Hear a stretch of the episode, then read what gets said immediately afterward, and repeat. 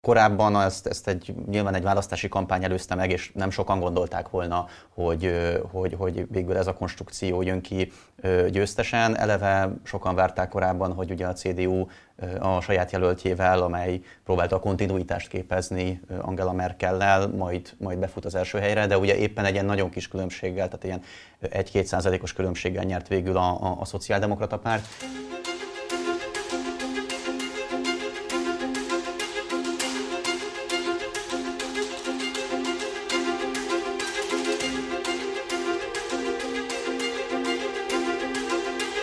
Jó napot, sziasztok! Ez itt a Portfolio szerdánként megjelenő heti podcastje. Én Orosz Márton vagyok, és itt van velem a stúdióban kollégám, a Portfolio Globál rovatának elemzője, Palkovics Máté. Szia Máté! Jó napot, sziasztok! Üdvözlöm a hallgatókat! És hát rendszeres hallgatói megszokhatták már, hogy amikor Máté van itt, vagy a Globál Rovat más munkatársai, akkor természetesen külpolitikáról, vagy esetleg hadipolitikáról, vagy, vagy, vagy katonai stratégiáról beszélgetünk, és hát most sem lesz ez másként, mert egy nagyon fontos dolog történt a múlt héten, megalakult a német kormánykoalíció, és hát szerintem rendszeres hallgatóink, meg olvasóink azért nagyjából tisztában vannak azzal, hogy milyen óriási fontosságú a magyar kormány számára a gazdaságpolitikai, politikai, gazdasági szempontból az, hogy milyen összetételű ez a kormánykoalíció, és hogy milyen politikát fognak folytatni itt a jövőben. Úgyhogy kicsit ezt próbáljuk most átbeszélni. Kezdjük talán onnan, hogy 16 éves kormányzás után véget ért a Merkel korszak. Hogy jutottunk idáig, és, és miben újdonság a mostani kormánykoalíció Németország számára? A, az új kormánykoalíció az minden szempontból egy, egy újdonság Németország és Európa számára. Pont ahogy említetted is, ez egy 16 éves ciklus zár le, amikor folyamatosan lényegében a legnagyobb kormánypárt, a kereszténydemokrata unió volt, és ugye Angela Merkelnek hívták a kancellárt. Ezzel szemben most egy olyan konstrukciót próbálnak ki szövetségi szinten Németországban, amelyre korábban nem volt példa. A második világháború óta nem volt olyan német szövetségi kormány, amely három pártból állt volna föl. Ráadásul ez egy olyan konstrukció, amelyben hogy az egymással lévő pártok sem igen voltak koalícióban. A zöldek ugyan kormányoztak a, a, a szociáldemokratákkal 98 és 2005 között, de így, hogy a liberálisok, ez az FDP is belekerült, ezt még nem próbálták ki. Tehát ez már önmagában egy, egy, egy, egy hatalmas újdonság az eddigiekhez képest. Korábban ezt, ezt egy, nyilván egy választási kampány előzte meg, és nem sokan gondolták volna, hogy, hogy, hogy végül ez a konstrukció jön ki győztesen. Eleve sokan várták korábban, hogy ugye a CDU a saját jelöltjével, amely próbálta a kontinuitást képezni Angela Merkellel, majd, majd befut az első helyre, de ugye éppen egy ilyen nagyon kis különbséggel, tehát ilyen 1-2 százalékos különbséggel nyert végül a, a, a szociáldemokrata párt, és utána következett egy, egy, egy koalíció kötési kísérlet, amelyek amúgy nem könnyű folyamatok.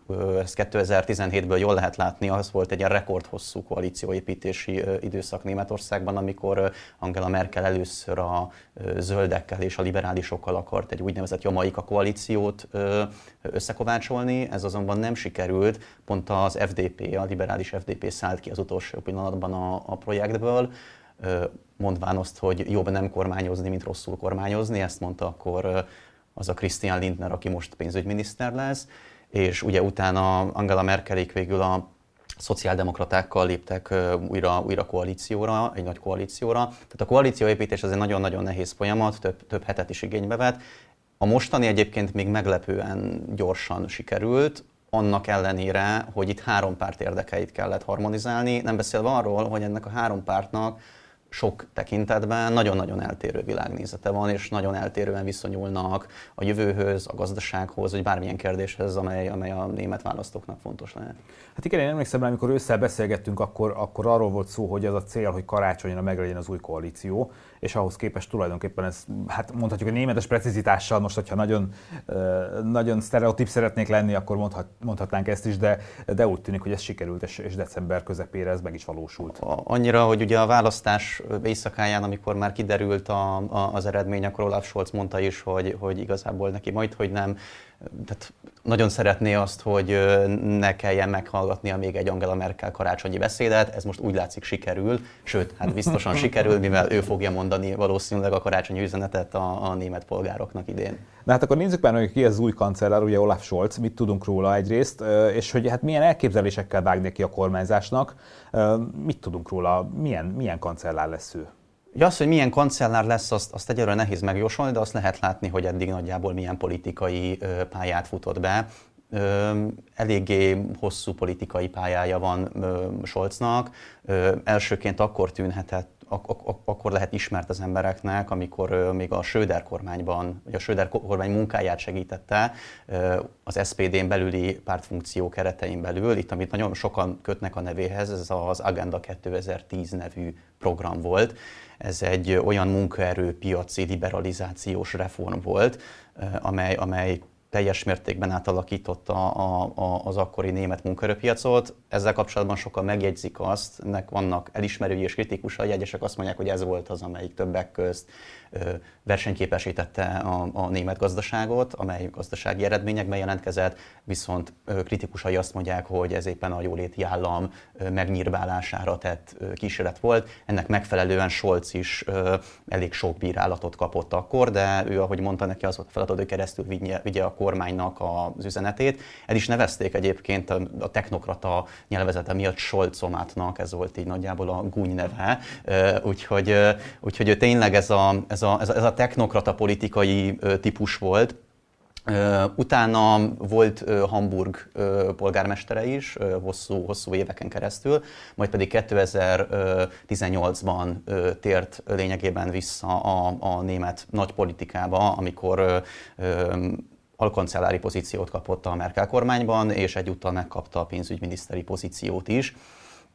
Érdekes még megjegyezni, vagy érdemes még megjegyezni Solccal kapcsolatban azt, hogy ő saját pártján az SPD-n belül kifejezetten inkább a konzervatív szárnyhoz tartozik, tehát nem tartozik a, a párt radikális bal szárnyához.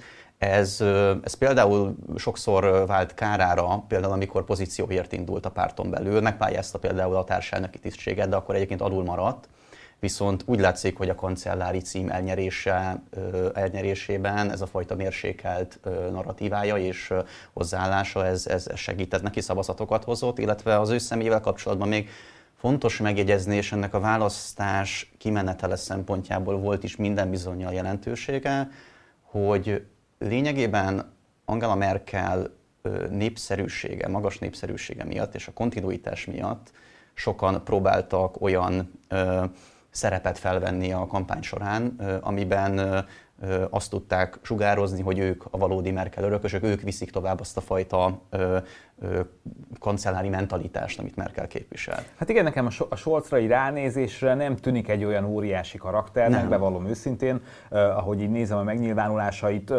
érdekeseket mond, és, és, és szerintem fontosakat mond, és már most majd erről fogunk beszélni, nagyon elkezdte uh, a határozottságát uh, bizonyítani, uh, de egyébként uh, azt gondolom, hogy, hogy talán, mint hogyha Merkel sem lett volna azért az első években egy ilyen nagyon uh, olyan, olyan vezető, aki aztán tényleg tekintélyes, és, és a világ világ legfontosabb vezetői között valóban számon tartják, és mindenhol ismerik az arcát és a nevét. Tehát ő sem feltétlenül úgy indult, amennyire én emlékszem 16 évvel ezelőttre, de a Scholznál kimondottan nem érzem azt, hogy ő, azt, hogy ő egy olyan nagyon karakteres figura lenne. Ö, igen, tehát ez, ez, ez, ez sokan felvetették gyengeségnek, de sokan ugye felvetik erősségnek is. Az egy politikus ö, esetében azért sok esetben lehet nagy előnyt, hogyha el tud menni úgy egy mikrofon mellett, hogy nem szól bele és ezáltal mondjuk nem tesz olyan kijelentéseket, amiket később megbánik. Ez ugye Merkelre igaz volt. Ez a, ez a klasszikus kimért higgadt pragmatikus politika, erre, erre, erre hajazó mentalitást próbált meg Scholz is felvenni, persze hangsúlyozva mellett, hogy ő egyébként pénzügyminiszter volt abban a kormányban, és pont ez a pénzügyminiszteri pozíciója volt az, amely neki az utóbbi időben az ő, ő, ő renoméját sokat javított, mert amikor a, kitört a koronaválság, ő volt lényegében az a kormányzati szereplő, akire hatalmas figyelem hárult, hogy nyilván hogyan fogja kezelni a gazdasági vonatkozásait és következményeit a járványnak, és ugye rengeteg hatalmas mennyiségű pénzt öntöttek rá a, a, a német gazdaságra, hogy enyhíteni tudják a járvány hatásait, nem beszélve arról, hogy ugye tevékeny szerepe volt például a, az európai gazdasági élénkítő csomagok elfogadásában is hoznak. Ezek meghozták számára egy, egy, egy, egy népszerűség növekmény, növekedést, és, és, és ezzel gyakorlatilag odáig sikerült a személyes renoméját növelni, hogy végül a pártja is tudott ebből profitálni. Kik lesznek a legfontosabb miniszterek az új kormányban, mik lesznek a legfontosabb tárcák, azért feltételezem, hogy ebben olyan nagy változás mondjuk nincsen, hogy kinek lesz nagy, a legnagyobb befolyása, de, de kik vannak ezekben a kulcspozíciókban? Szerintem a, itt, itt nyilván meg kell különböztetni azt, hogy most éppen Németországban belül és Európán belül így, így, így külföldi országból nézve mi számít fontos pozíciónak, de hogyha mondjuk Magyarországról vagy Európáról nézzük azt, hogy, hogy, hogy melyek lehetnek az igazán fajsúlyos tárcák, akkor a, nyilván ilyenkor meg kell említeni az elsőt, ami a pénzügyi tárca, ez a pénzügyminisztérium, a, amelyet az FDP kapott meg, Christian Lindner lesz a pénzügyminiszter. Itt erre a pozícióra hajtottak mind a liberálisok, mind pedig a zöldek, de úgy látszik, hogy a, végül a liberálisok kerültek ki győztesen ebből a, ebből a rivalizálásból. Christian Linnerről azt kell tudni, hogy, hogy ő volt az, aki gyakorlatilag az FDP-t, miután kiestek a Bundestagból, visszajuttatta a parlamentbe.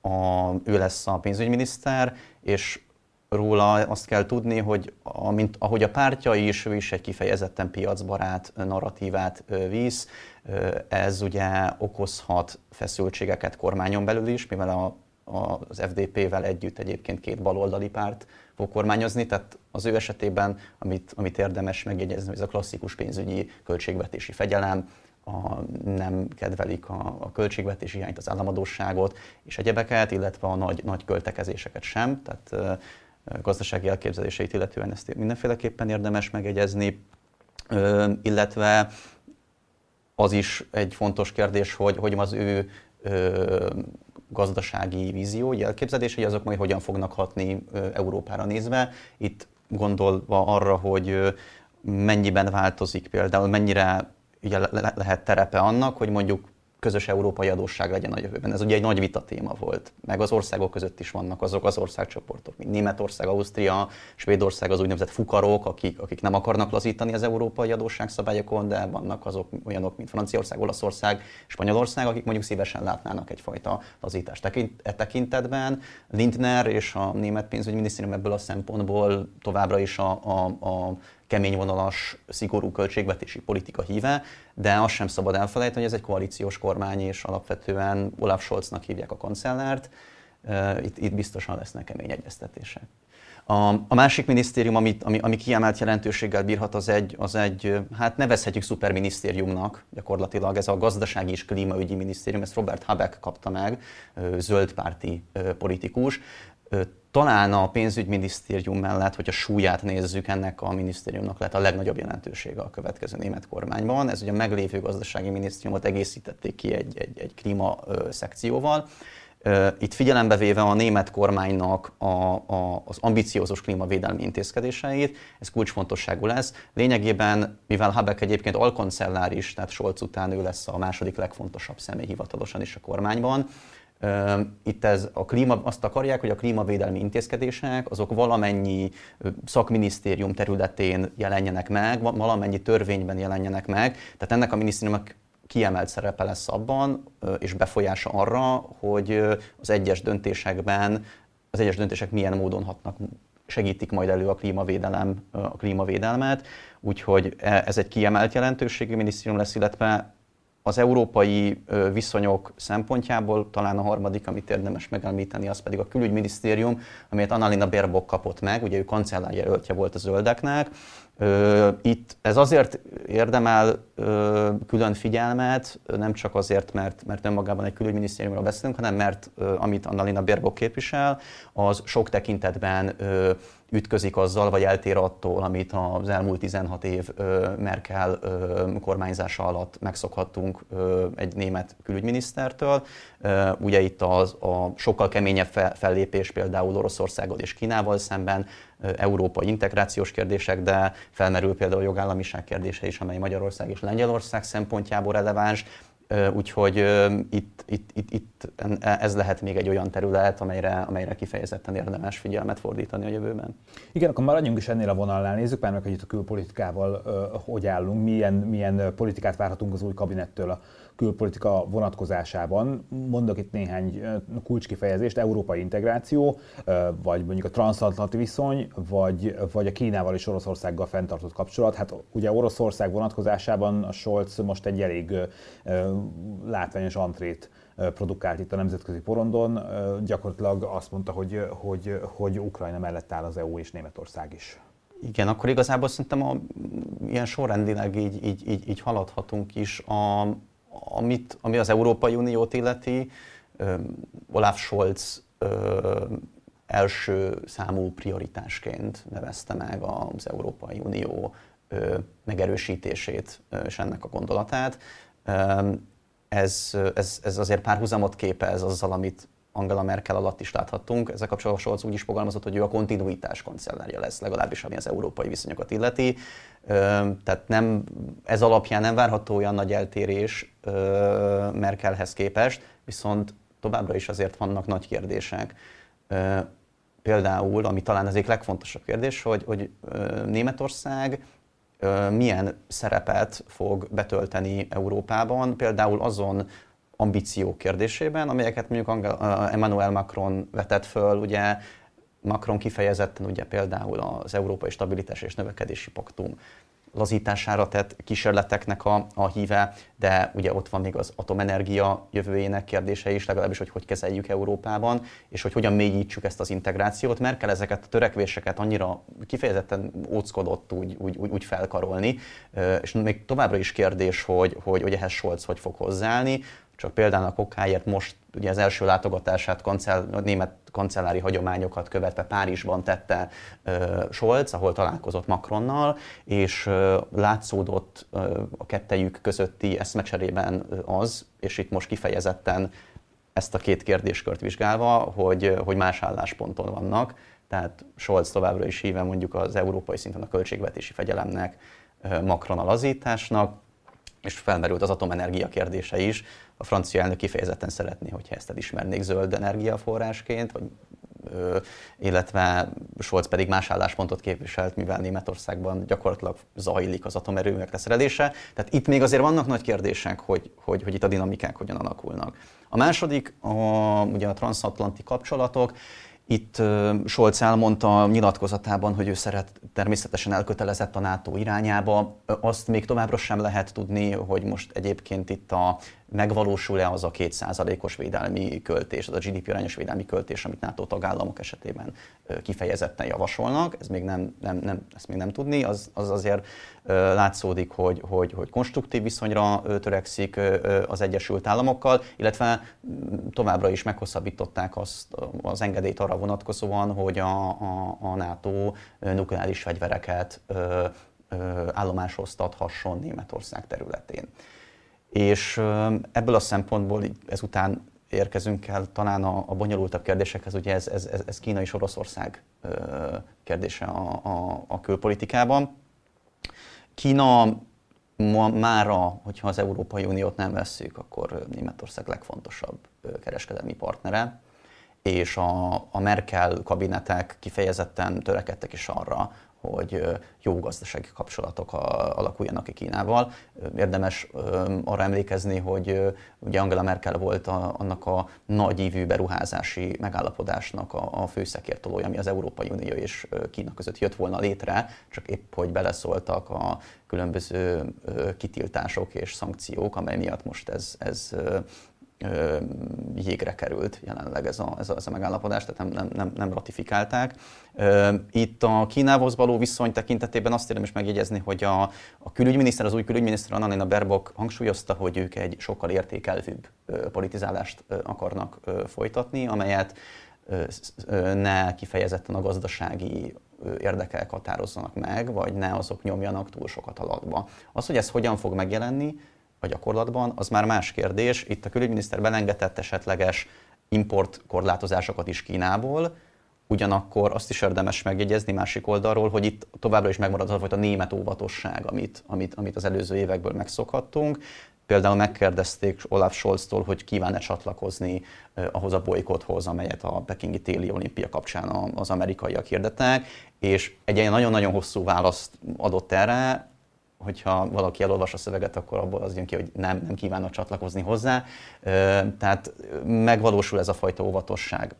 Oroszország a másik fontos kérdés, ugye itt ez a német energia piac szempontjából kifejezetten releváns. Oroszországgal kapcsolatban is, is megszólalt a külügyminiszter, illetve Scholz is kiállt Ukrajna szuverenitása és területi egysége mellett. Ebből a ez, ez sokban fog függeni attól, hogy, hogy itt az elkövetkező hetekben, hónapokban milyen történések lesznek majd az orosz-ukrán határ mentén. Ezek fogják valószínűleg alakítani a német reakciót is, de Németország eddig is szankcionálta Oroszországot, történtek büntető intézkedések. A nagy kérdés itt az északi áramlat kettő gázvezeték, ami Oroszországot és Németországot köti össze. Ugye ez mai hír éppen, hogy, hogy nem adták meg neki az engedélyt, mert nem felel meg az uniós szabályoknak, tehát egyelőre még, még nem működik a gázvezeték, de ez egy nagyon nagy kérdés lesz, hogy hogy, hogy ezzel majd mit fog kezdeni a kormány. Itt ugyanis van nézeteltérés a zöldek és a szociáldemokraták között. A szociáldemokraták támogatták a vezetéképítését, a zöldek meg nagyon ellenezték, ez látszódik most is. Úgyhogy itt is én arra gondolok, úgy számítok, azt képzelem, hogy, hogy itt is ez a fajta óvatosság fog, fog inkább megjelenni. Nem fognak fejjel menni a falnak, de az biztos, hogy a korábbi évekhez képest nyilatkozatok és tettek szintjén is valószínűleg előrébb kerülnek ezek a, akár az emberi jogok, akár ezek az úgynevezett értékelvű politizálásnak az aspektusai. De ez majd helyzetfüggő, hogy mennyire erősen. Azt gondolom, hogy ahogy az elején is említettük, már kulcsfontosságú a magyar gazdaság és a magyar külpolitika szempontjából az, hogy, az, hogy milyen lesz a, a magyar-német, német-magyar viszony a következő években.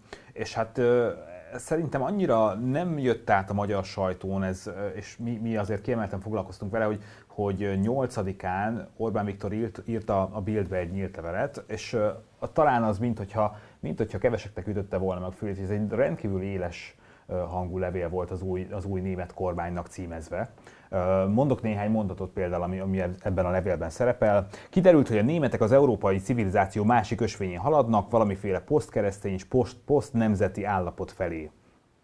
Ez az egyik idézet, amit, amit kiragadnék belőle.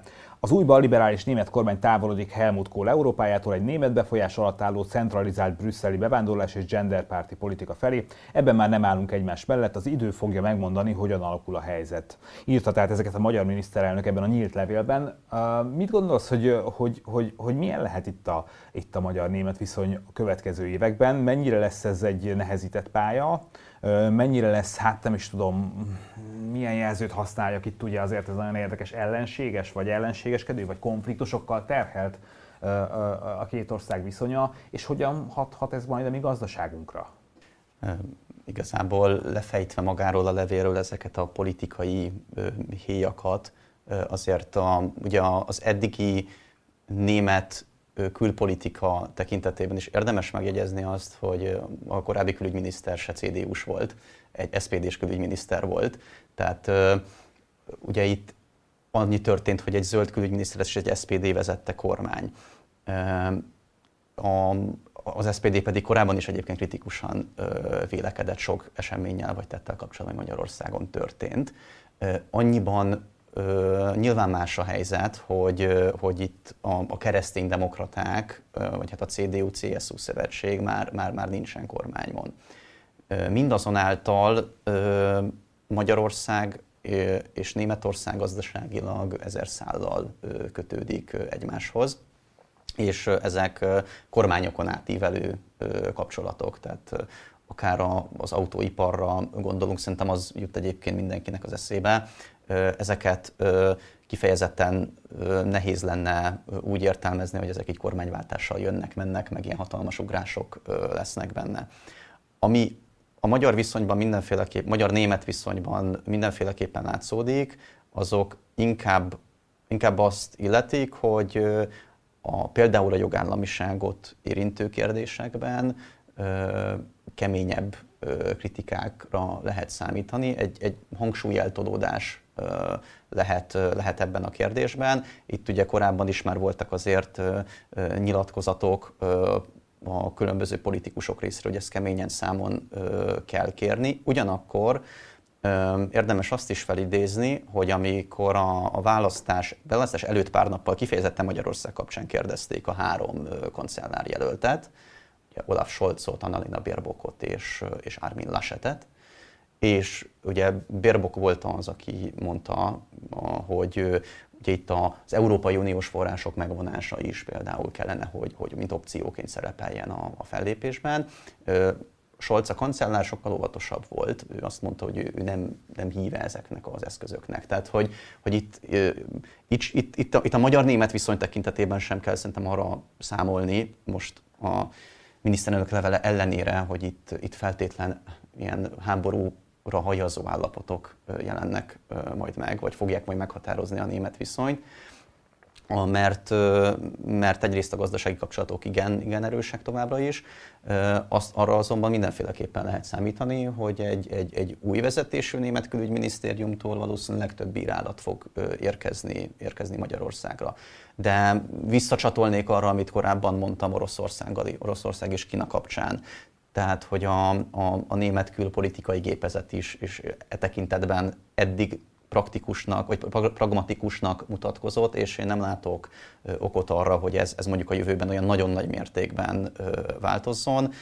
A külpolitikai kérdések tekintetében plusz, plusz így egy kis érdekesség, hogy a, a kancellári hivatal vezetője már így mondta is, volt is már összezördülés az SPD és a zöldek között, vagy hát csak egy kis átszólás, mert a kancellári hivatali vezetője mondta, hogy alapvetően azért fontos külpolitikai döntések a kancellárián fognak eldőlni, és azt Olaf Scholz vezeti. Erre nyilván a zöldek mondták, hogy ők vezetik a külügyminisztériumot, tehát azért itt, itt, itt, itt, a, itt a feleknek egyeztetni kell egymással.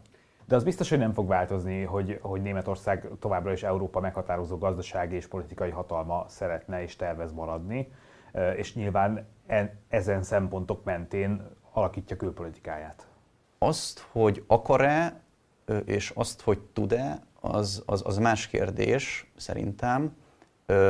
Azért 16 év után, ha megszűnik egy, egy háttérbe vonul egy vezetési stílus, lezárul egy korszak, biztos, hogy kell minimum pár hónap, ha nem év ahhoz, hogy az új kormány európai szinten belakja magát. Most először helyi szintről beszélünk, nyilván most kell egy pár hét, hogy egyáltalán Németországban, ugye nagyon durva a vírushelyzet is, tehát hogy most az egy külön problémát jelent ott. De ebből a szempontból azért az biztos, hogy a, a, a német befolyás Európára nézve, az ö, valamelyest enyhülhet az elkövetkező időszakban, ö, pusztán azért, mert egy olyan nagy formátumú politikus távozott, mint Angela Merkel, és nagyon ö, hosszú időben igazából belenőni a kabátba, Éppen ezért érdemes lesz figyelni mondjuk, hogy mit csinál Emmanuel Macron, mert a franciák részéről viszont kifejezetten van egy olyan ambíció, ez az üssük addig a vasat, amíg meleg, hogy amíg a Berlin, mert Németország gazdasági potenciálja továbbra is olyan erős lesz, mint eddig valószínűleg, tehát ez megmarad. Itt a politikai befolyás az, hogy ki az, aki a leginkább rangidős nagy európai politikus, most jelenleg Merkel távozásával Emmanuel Macron az, aki, aki, aki ezt a szerepet betölti, és élni is kíván vele. Francia soros elnökség lesz az elkövetkező hónapokban, illetve választás is lesz Franciaországban. Tehát szerintem itt az elkövetkező időszakban azért látni fogunk látni fogjuk azt, hogy a francia ambíciók azok talán hangosabban fognak érvényesülni. Ha viszont nyilván egy, egy, egy berlindi kormány berendezkedik, és, és, és elő magabiztosságot szerez, akkor, akkor, akkor újra lehet, fújhatnak erősebb szelek Németország felül is. Tehát ez most egy nagyon érdekes politikai felállás Európában, hogy melyik ország fogja itt dominálni a, a, a közeget. Eddig ez egyértelműen Németország volt. Pár perccel ezelőtt említetted már a, a klímapolitikát, és azt, hogy, hogy kicsit azért másképpen gondolkodik majd az új kormány, mint a, mint a Merkel, Merkel adminisztráció, de mit gondolsz, hogy milyen, milyen hatással lehet az új német kormány a közös európai klímapolitika alakítására? A, az új német kormány kifejezetten ambiciózus klímacélokat fogalmazott meg, legalábbis a, az előző kormányokhoz képest mindenképpen Merkel sokan kritizálták egyébként azért, hogy, hogy nem tett eleget, illetve a CDU-CSU-t, hogy nem karolták fel eléggé ezeket a klímavédelmi intézkedéseket. Így, hogy a zöldek képzik a kormány egyik fontos szeletét. Nyilvánvaló volt, hogy a, a klímapolitikai intézkedések azok nagy, nagy, nagy, nagy súlyjal lesznek jelen a koalíciós szerződésben. Ez így is van, csak tényleg csak ilyen pár említés szintjén, hogy az egyik legfontosabb ígéretek közé tartozik, hogy 2038 helyett ideális esetben 2030-al vezessék ki a szenet az energiapiacról.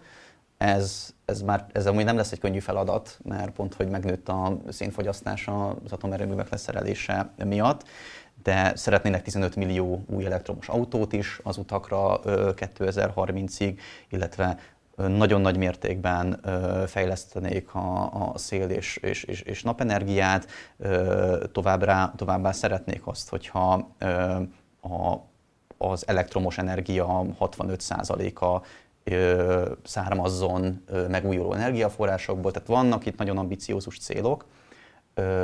Ezek mindenféleképpen már csak azért, hogyha Németország diktálja a tempót, ezek európai, más európai országokra is kihathatnak. Természetesen összhangban az EU Fit for 55 nevű klímavédelmi programjával, tehát ezek igazából kéz a kézben járnak. Úgyhogy én úgy gondolom, hogy a, a jelenlegi elképzelésekkel a, a német, ahogy amilyen irányba halad a német gazdaság, nyilván a német gazdaságtól függő, vagy azzal szoros kapcsolatban lévő országok is, is, is, is alakulnak majd, tehát hogy attól függően, hogy hogyan alakul át majd a német autóipar, mert ez nyilván jár ilyen jellegű átalakításokkal is, vagy a német energiapiac. Ez, ez, ez, ez nagy hatással lehet más országok gazdaságára is. Azt azonban fontos megemlíteni, hogy, hogy azért ezek a, ezek a klímavédelmi intézkedések, ezek, ezek elég, elég sokba fognak kerülni. Tehát, hogyha van egy felmérés arról, hogy Nagyjából, hogyha ezeket meg szeretnék valósítani, akkor 860 milliárd eurót kellene fordítani 2030-ig ilyen célokra. Úgyhogy kifejezetten érdekes lesz azt figyelni, hogy például egy fiskális értelemben konzervatív pénzügyminisztérium az hogyan fog zöld jelzést adni például nagy volumenű állami beruházásokra, amelyeket ez a folyamat mindenféleképpen igényel, és hogy, hogy mennyiben tudják ezt majd, majd felgyorsítani, de, de az biztos, hogy, hogy az eddigi kormányoknál ez a kormány ez, ez ambiciózus célokat fogalmazott meg, és azt Merkel megítélésében is láthatjuk, hogyha amennyiben ezeket a célokat nem teljesítik, úgy, ahogy a választók elvárják, akkor ezért egy választáson keményen meg is lehet fizetni. Beszélgetésünk végéhez érkeztünk. Most már igazából csak egy dologra lennék kíváncsi, a véleményedet szeretném kérni azzal kapcsolatban, hogy mit gondolsz, hogy egy ilyen sokszínű koalíció, mint a, mint a most felállt német kormány, mennyi ideig tartható egyben, vagy mik lesznek azok a, azok a, azok a konfliktusok, amik, amik majd esetleg megoszthatják ezt a, ezt a kabinetet, vagy megoszthatják a kabinetet alkotó pártokat. Látszanak-e már esetleges törésvonalaknak a, nem tudom, a, a hajszár repedései? Ellentétek biztosan lesznek. Itt, itt ugye három párt van, ideológiailag eltérő narratívákkal, biztos, hogy lesznek ellentétek. Most például, ahogy, ahogy említettem is, a, talán a, ezek az állami beruházásoknak az indítása, arra a pénzügyminisztériumnak muszáj lesz rábólintania. Ezek sok esetben olyan tételek lehetnek, amelyek, amelyek meglódítják a hiányt, vagy, vagy akár éppen az államadóságot, viszont a kormány megítélése múlik rajta, tehát itt, itt biztos, hogy kemény, kemény viták lesznek. Azonban azt, azt, azt, azt mindenféleképpen hangsúlyoznám, vagy érdemes kiemelni, hogy Németországban a politikai szereplőknek van gyakorlata koalíciós kormányzásban. Ott tartományi szinten is koalíciók kormányoznak, és szövetségi szinten is folyamatos az együttműködés a pártok között.